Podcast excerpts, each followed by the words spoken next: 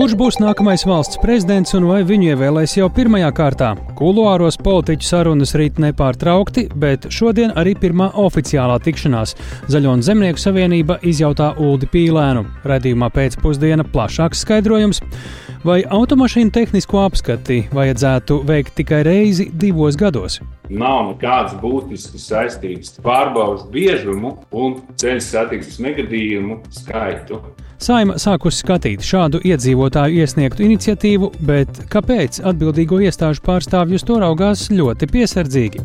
Un sekojam līdzi Latvijas izlasēji pasaules čempionātā hokeja. Šodien mūsējiem spēle pret Norvēģiju. Arī par to plašāk tūdaļ ziņu raidījumā pēcpusdienā kopā ar mani Tāli Eipuru.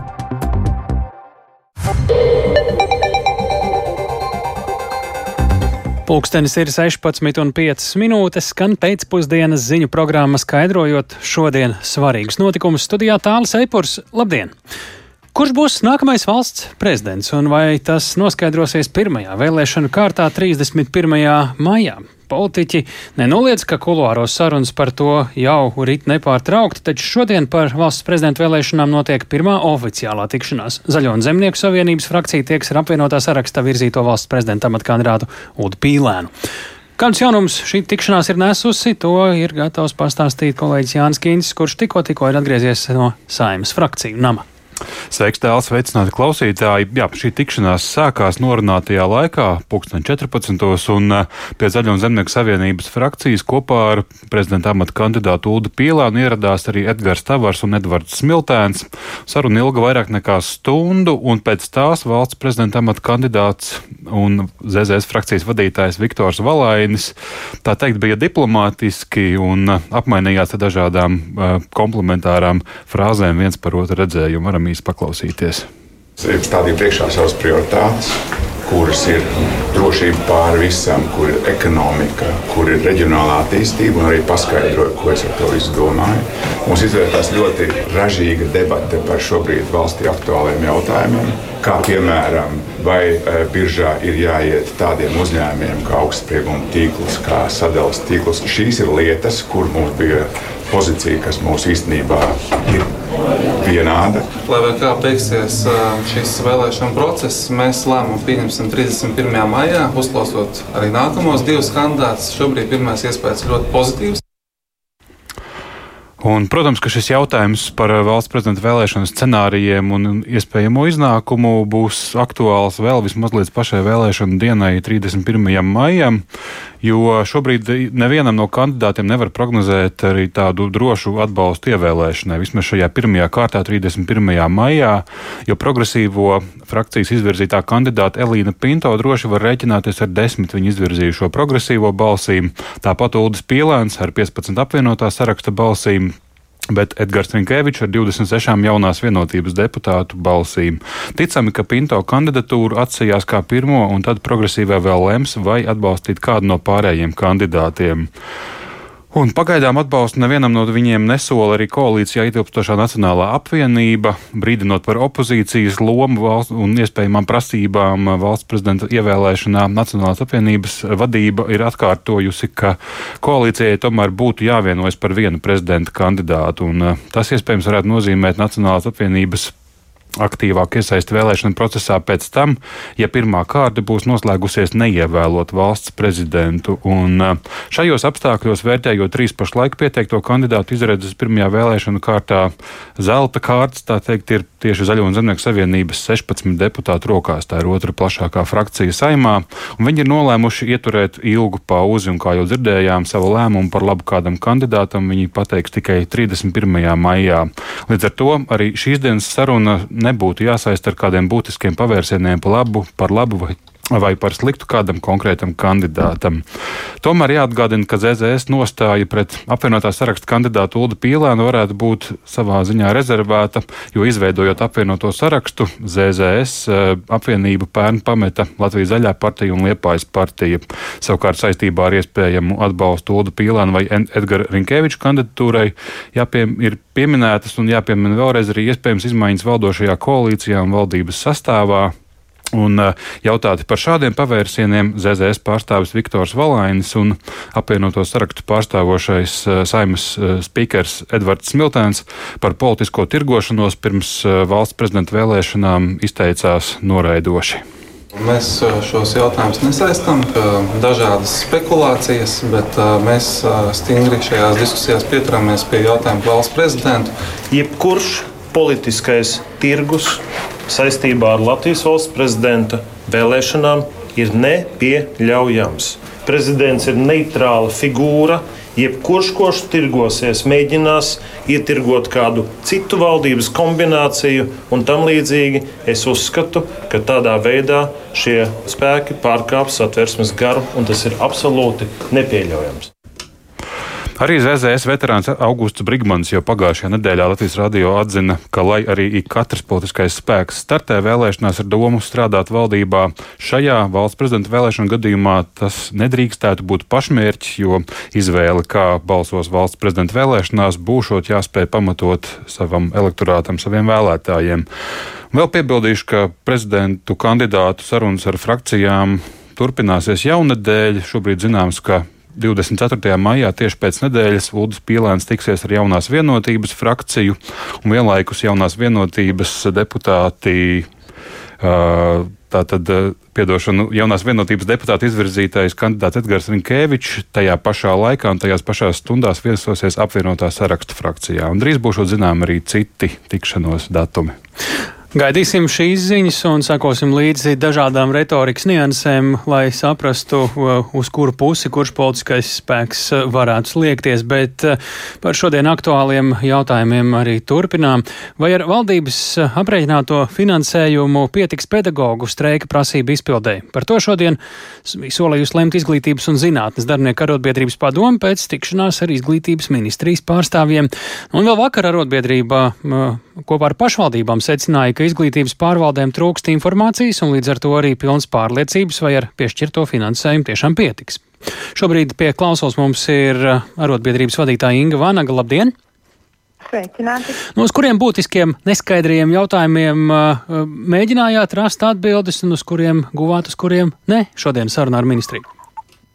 Nu, jāsaka tā, ka skaidrāka tā situācija kļūst tikai pa soļiem, bet mēs joprojām, diemžēl, arī pēc šodienas un vakardienas tikšanās, mēs neesam tik drosmīgi kā ministrija savos apgalvojumos, ka viss ir kārtībā un viss ir izpildīts. Jo tāpēc, ka uh, no 21. aprīļa, kad valdība pirmo reizi balsoja ja, par streika vienošanās izpildu un galvoja, ka viss ir kārtībā, ja, nu, nepilna mēneša laikā piecas reizes ir mainījušies aprēķini. Arī 10. maijā mēs saņēmām vēstuli, bija vieni aprēķini aprēķini, tad vakar tikāmies, bija citi aprēķini, šodien tiekoties jau atkal citi aprēķini. Tāpēc liekas pārdroši stipri ir ministrijas apgalvojums, ka viss ir korekti un pareizi sarēķināts.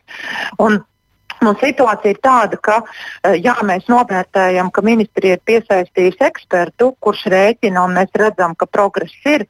Taču arī sarunājoties ja, un konsultējoties un šodienas padomas sēdē, mēs redzam, ka joprojām ir jautājumi, kur arī šim ekspertam tiešām visu cieņu, ja viņa paveiktajam līdz šim darbam, bet arī tur nav iespēja atbildēt, kāpēc pat nepilnas, kā saka, divu nedēļu laikā ir mainījušies aprēķini pat vairāku miljonu apmērā. Un nav iespējams izskaidrot nu, šo, šo aprēķinu izcelsmi. Kur ir Mēs progress? Progress ir tādā ziņā, ka ir veikta analīze sākot no par katru pedagogu būtībā, par katru izglītības iestādi, ja, ir veikti precīzāki aprēķini par slodzes balansēšanu, bet joprojām nu, nav skaidrība ja, par grafiku, algas grafika tādu izpildi.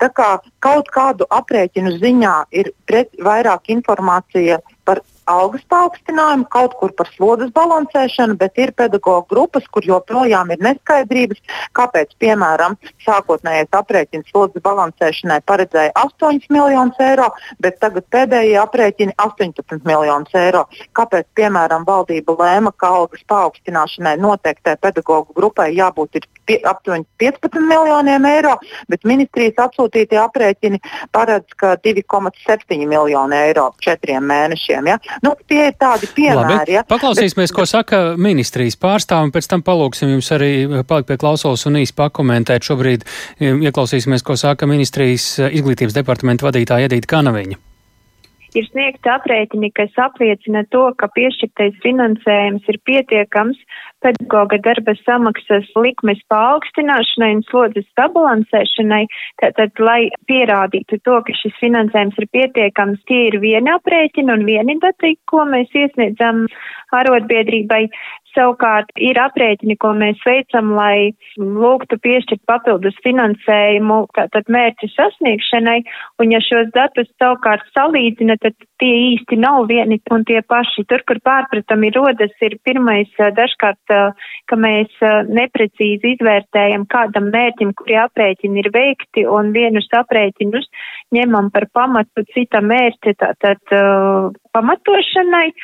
Datu daudzums, kas jāņem vērā, veicot aprēķinus, ir milzīgs, un līdz ar to tur tiešām ir jāprot orientēties un izvērtēt, kuri dati kādus rādītājus apliecina, un arī šeit mums nevienmēr ir uh, vienprātība, kā mēs ko interpretējam. Tāpēc ir ļoti liels paldies Līdzei, kurā ir neatlaidīga un uh, ļoti pacietīgi pieprasa papildus un papildus vēl datus, lai saprastu esošo situāciju, lai tiešām mēs abas puses būtu nu, kā, ar vienādu izpratni par lietām, par datiem, par aprēķiniem.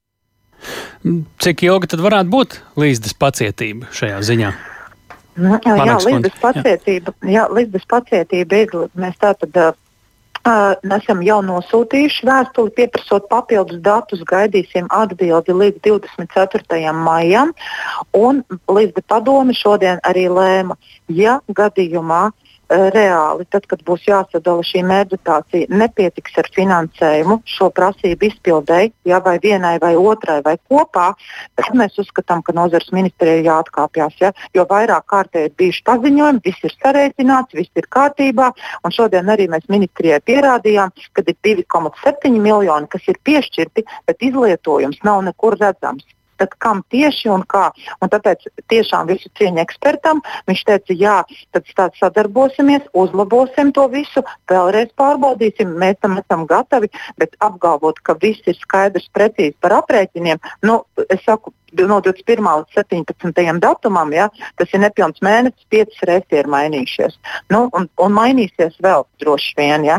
Tāpēc progress ir, skaidrībai jābūt līdz galam, Un, ja gadījumā neizpildīsies solītais, tad ministrs kundzei būtu jāprotās un jāuzņemās arī atbildība. Tas varētu procesu vēl vairāk paildzināt. Pedagogiem, skolām šobrīd ir jāmeklē jau nākamajam gadam mācību spēki, vai tas būtu risinājums un uh, kāds mērķis tam īsti?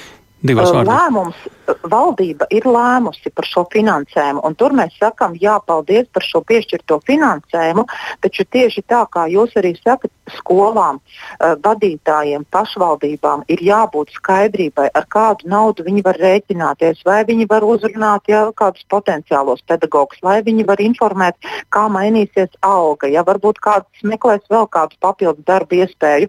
Jo, un, un tāpēc ir maksimāli ātri visām iesaistītajām pusēm jābūt skaidrībai skaidram, cik katra pašvaldība saņems finansējumu, mm. sloģu balansēšanai, naudas grafikam un arī citām izglītības iestādēm, kas ir ministriju pāraudzībā, ir jābūt laicīgi informācijai, lai cilvēki, ejot atvaļinājumā, zina, ar ko viņiem rēķināties. Tad pietiks naudas sloģu balansēšanai vai nē, vai pietiks naudas algas grafikam vai nē, ja, un ko var solīt kādā apmērā, uh, uzrunājot, jo vakants arī ļoti daudz.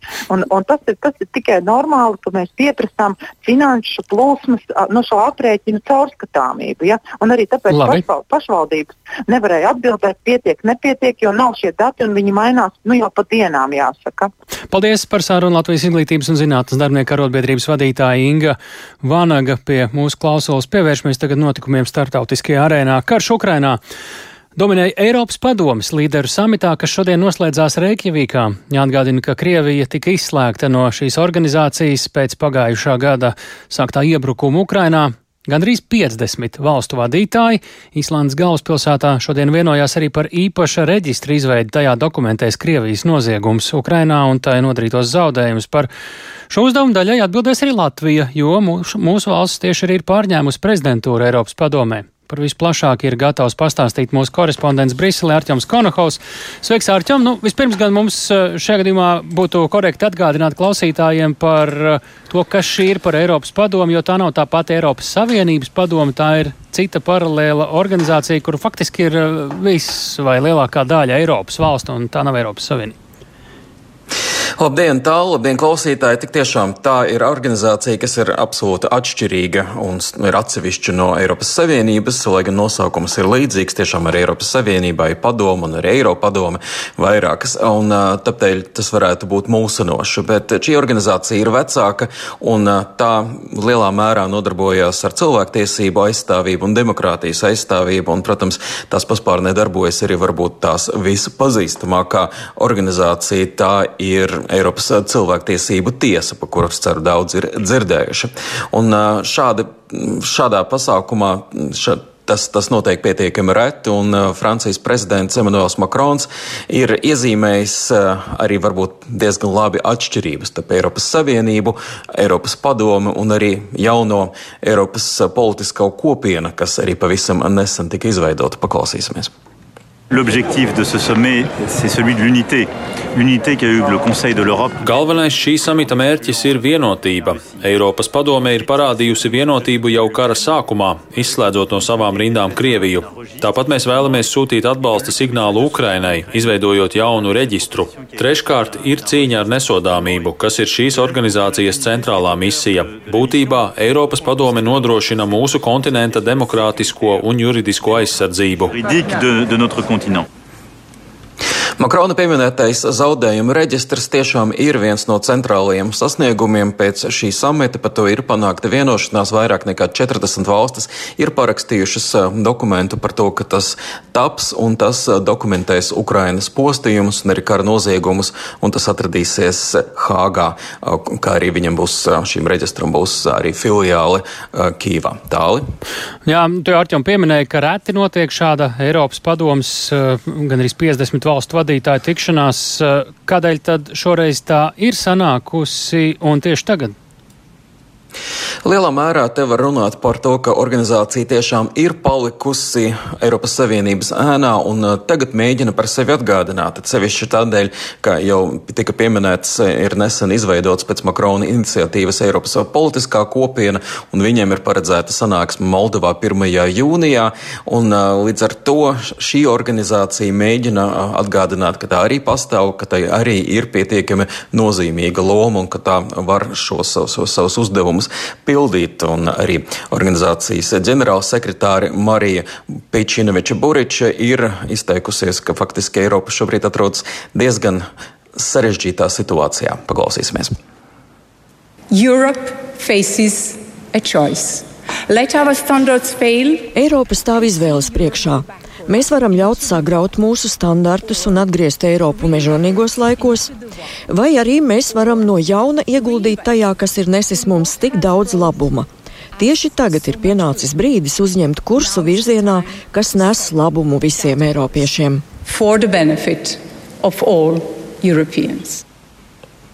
Turklāt, kā atzīmēja arī vairāku valstu līderi, runa nav tikai par Krievijas iebrukumu Ukrainā, bet arī, piemēram, par Ķīnas agresīvo rīcību. Tāli.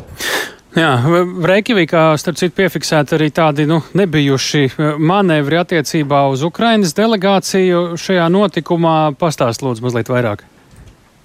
Ja ir pavisam maz informācijas, vismaz manā rīcībā par šo, tomēr ir zināms, ka uh, Ukrainas prezidentam Volodimiram Zelenskim ir bijusi iepriekš turnē pa vairākām valstīm. Viņš ir apmeklējis um, gan Berlīnu, gan Parīzi, Romu un arī Londonu. Un no Londonas bija devies uz Reikjaviku. Arī, uh, Nīder, arī Islandes ārlietu ministri viņu lidostā ir sagaidījusi. Tomēr vēlāk kļuva zināms, ka viņš tomēr ir pēkšņi devies prom un sanāksmes klātesošos ir uzrunājis attālināti ar video ierakstu. Un Islandes ārlietu ministri uz šo jautājumu ir atbildējusi diezgan skopi, sakot tikai, ka Ukrainai ir plaša delegācija, premjerministrs pārstāvēts un tieslietu ministrs un daudzi citi. Tā kā Ukraina ir tiešām pārstāvēta šajā sanāksmē, bet kādēļ Zelenskis ir devies projām no Reikjavikas, kas nebūtu nav pa ceļam starp Londonu un Kievu, un tur plašāka informācija netiek sniegta. Un ne tikai nav pa ceļam, ir vēl krietnes attālums ziņā. Līkums. Liels paldies Arķimam Konohovam, stāstot par Reikjavīkā notiekošo, vai nu jau jāsaka notikušo Eiropas valstu līderu sanāksmi. Ģeopolitiskā situācija tieši un netieši ietekmē arī dažādu resursu cenas mūsdienu pasaulē, taiskaitā degvielas, taiskaitā arī Latvijā. Konkurence degvielas tirgū pie mums ir liela, tādēļ šajā brīdī autovadītājiem ieteicams sekot dažādām akcijām. Tā šorīt kolēģiem Artai Skujai un Laurim Zvejniekam apliecināja degvielas tirgotāju asociācijas valdes priekšsarātājs Ojārs Karčevskis akcijas var būt jebkurā dienā, jebkurā ilgumā. Domāju, autovadītājiem tam ir jāseko, kamēr mūsu ekonomika nebūs tāda, kur ir pieprasījis vairāk degvielas, vismaz tikpat daudz, cik 19. gadā pirms pandēmijas un pirms kara. Domāju, ka tā situācija turpināsies tādā veidā. Jūs sakat, konkurence ir liela, bet vai tā ir tikpat liela kā Lietuvā un Igaunijā? Reizēm šķiet, ka tur tomēr degvielas cenas biežāk ir zemākas nekā pie mums. Tur ir objektīvi 10 centi zemākām jābūt, jo valsts nodeva un akcijas nodoklis, kas mums ir 5 centi lielāks nekā kaimiņu valstīs, šo starpību tīri objektīvi padara par 10 centiem. Tad mums ir jābūt 10 centiem dārgāk. Ja kaut ko tikai 5 centi, tad uh, viņiem ir labāks piecinājums. Un Eiropas kopējā situācijā, cik ērti mēs šobrīd varam justies ar savām degvielas cenām? Mēs, izņemot tās valstis kā Polija, mēs jūtamies, protams, ērti. Jāsaprot, ka šajā laikā pirms gada cena sasniedza 2 eiro, pat jūnija sākumā pārsniedza 2,10, un dīzeļdegviela bija pat dārgāk ievērojama nekā benzīns. Tagad naftas pasaulē pietiek, cena ir relatīvi zema, šodien 75 dolāri par barelu arī pašu produktu, destilātu, benzīnu un dīzeļdegvielas cenas kopš pagājušā gada jūnija kritušās divas reizes, kad nevarēja tirgus saprast, vai būs apgādes vai naftas pārsvērts rūpnīcas jauda pietiks. Bet šodien viss ir stabili, nekas neliecina, ka varētu izmainīties kaut kas. Ja nu vienīgi 2, 3, 4 jūnijā ir kārtēja OPEC sanāksme, kurā noteikti viņi mēģinās nākt ar paziņojumiem, kā jāsamazina ieguve, līdz ar to cenas naftai un pēc tam arī naftas pārstāvju produktiem varētu paaugstināties. Tā Ojārs Karčēvskis, bet autobraucējiem pavisam noteikti interesēs arī nākamais temats. Automašīna tehniskā apskate būtu jāveic nevis katru gadu, bet reizi divos gados. Šāda desmit tūkstošu pilsoņu parakstīta iniciatīva nodot skatīšanai saimnes atbildīgajā komisijā. Lai gan iesniegums saimā ir guvis tālāku virzību, par nozari atbildīgo iestāžu pārstāvjus to raugās ļoti piesardzīgi. Kāpēc? Vairāk Viktora Damīdova ierakstā.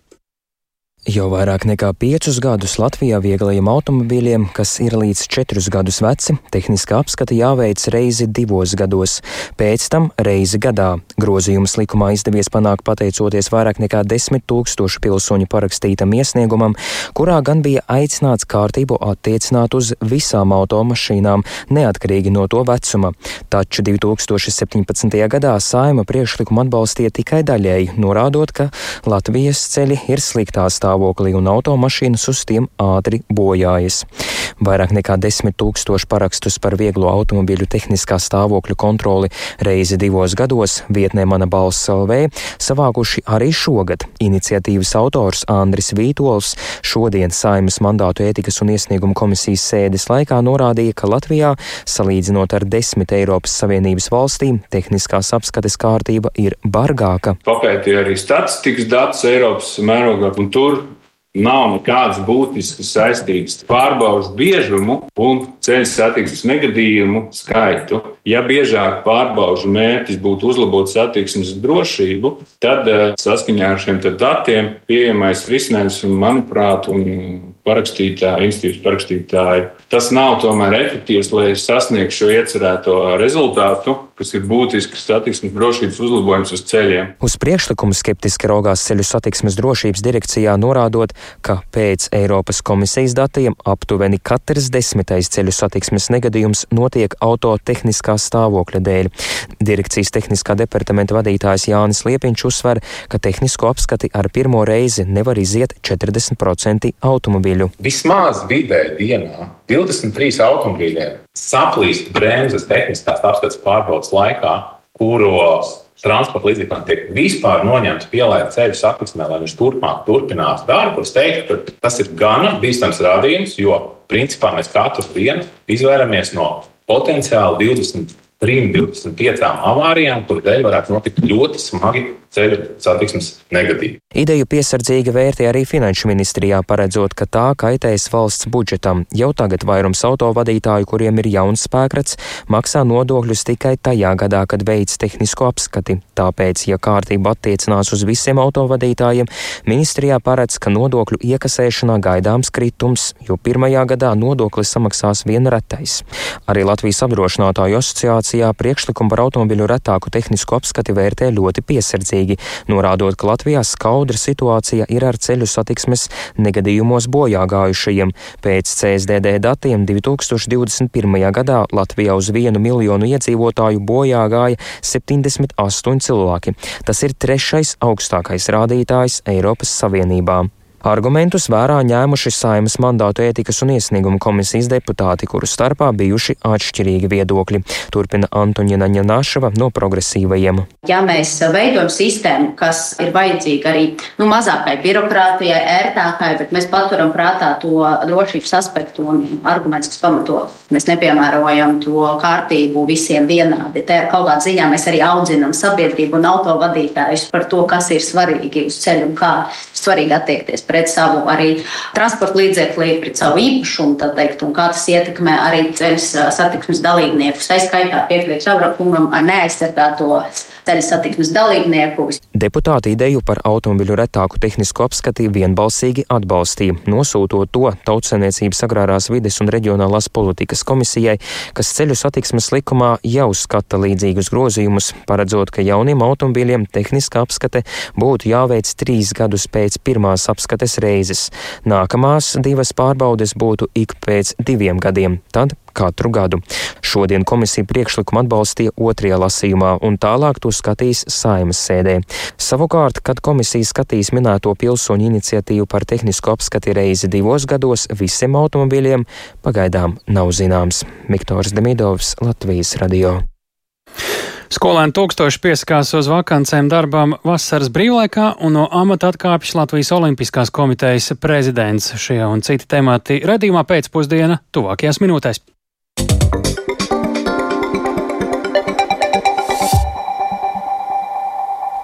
Skolēniem darba iespējas vasaras brīvlaikā ik gadu piedāvā Nodarbinātības valsts aģentūra. Šobrīd Latvijā jau nedēļu rīt pieteikšanās, un līdz šodienai šādu iespēju pieteikušies jau vairāk nekā desmit tūkstoši skolēnu. Savukārt vairāki uzņēmumi savus potenciālos darbiniekus vasarai jau ir atraduši. Plašāk par programmu Agnijas Lāsdeņas ierakstā. Skolēnu vasaras nodarbinātības pasākumu īsteno no 1. jūnija līdz 31. augustam. Skolēns tajā piedalās uz laiku līdz vienam vai diviem mēnešiem. Valsts līdzfinansētajās darba vietās varēs strādāt skolēni vecumā no 15 līdz 20 gadiem, kuri iegūst izglītību vispārējās, speciālās vai profesionālās izglītības iestādēs. Šovasar kopumā ir 654 darba devēji, kas skolēniem piedāvā vairāk nekā 5000 darba vietas. Profesijas ir ļoti dažādas dažādas, sākot no pārdevējiem, viesmīļiem, pavāra palīgiem līdz pat floristiem, šuvējiem un daudzas citas. Arabella, kurai ir 17 gadi, vasaras darbam piesakās jau otro gadu pēc kārtas. Šoreiz viņa ir pieteikusies pie pieciem darba devējiem, kas darbojas mazumtirdzniecības jomā. Kā atzīst viņa, programma jauniešiem krietni atvieglo darba meklēšanu. Man liekas, viņa ir tik laba, kā var būt, jo tās pieejamās vietas cilvēkiem, tīpaši, kuri ir nepilngadīgi, kuram nav nekādas oficiālās darba pieredzes, nav arī tik daudz, tā kā tas ir sarežģīti. Lielākie darba devēji šogad ir uzņēmumi uzņēmumi Rimī, Maksima un Rīgas meži. Starp darba devējiem ir arī lidosta Rīga, kas šajā programmā iesaistās jau kopš tās pirmsākumiem. Šogad lidosta darba vietas piedāvāja vairāk nekā 80 skolēniem tādās profesijās kā palīga aviodrošības darbiniekiem, inspektora palīgi un biroja darbinieki. Vakances uz darbu lidostā ir pieprasītas ik gadu, tāpēc pieteikšanās jau ir noslēgusies. Kā stāsta lidostas Rīga komunikācijas projektu vadītāja Ilza Salna, programma ir ne tikai iespēja skolēniem, bet arī darba devējiem. Mēs nereizi vien saskaramies ar situācijām, kad, piemēram, kad skolēns ir bijis ēnu dienā pie mums lidostā, un tad mēs saņemam pieteikumu, kad izsludinām vasaras darba pieteikšanos, tad šajā motivācijā arī jaunieši norāda, ka viņi ir bijuši pie mums ēnu dienā un labprāt gribētu turpināt iepazīt lidostas procesus un lidostas darbus. Mums ir arī vairāki kolēģi lidostā, kuru pirmā iepazīšanās ar lidostas darbu ir notikusi tieši skolēnu vasaras darba ietveros. Darba vietu skaits ir ierobežots, un iepriekšējo gadu pieredze liecina, ka reģistrēto skolēnu daudzums pārsniedz piedāvāto darba vietu skaitu. Tāpēc skolēna pieteikšanās vasaras darbam negarantē, ka pie tāda viņš tiks. Darba devēji ir tie, kas izvēlas sev piemērotus darbiniekus no skolēnu vidus. Ātri vien pēc pieejamo darba vietu izziņošanas cilvēki sociālajos tīklos sāka runāt par to, ka vairumā vakanču, kas lielākoties bija turismu un viesmīlības jomā, pretendentiem kā prasība ir izvirzīta prasme zināt krievu valodu. Raisījās plaša diskusija par to, kāpēc tas ir vajadzīgs, it sevišķi profesijās, kā piemēram pavāra palīgs, kur svešvaloda iespējams nav nemaz tik vajadzīga. Skaidro nodarbinātības valsts aģentūras nodarbinātības pasākumu departamenta pārstāve Vineta Leončika. Tas, ko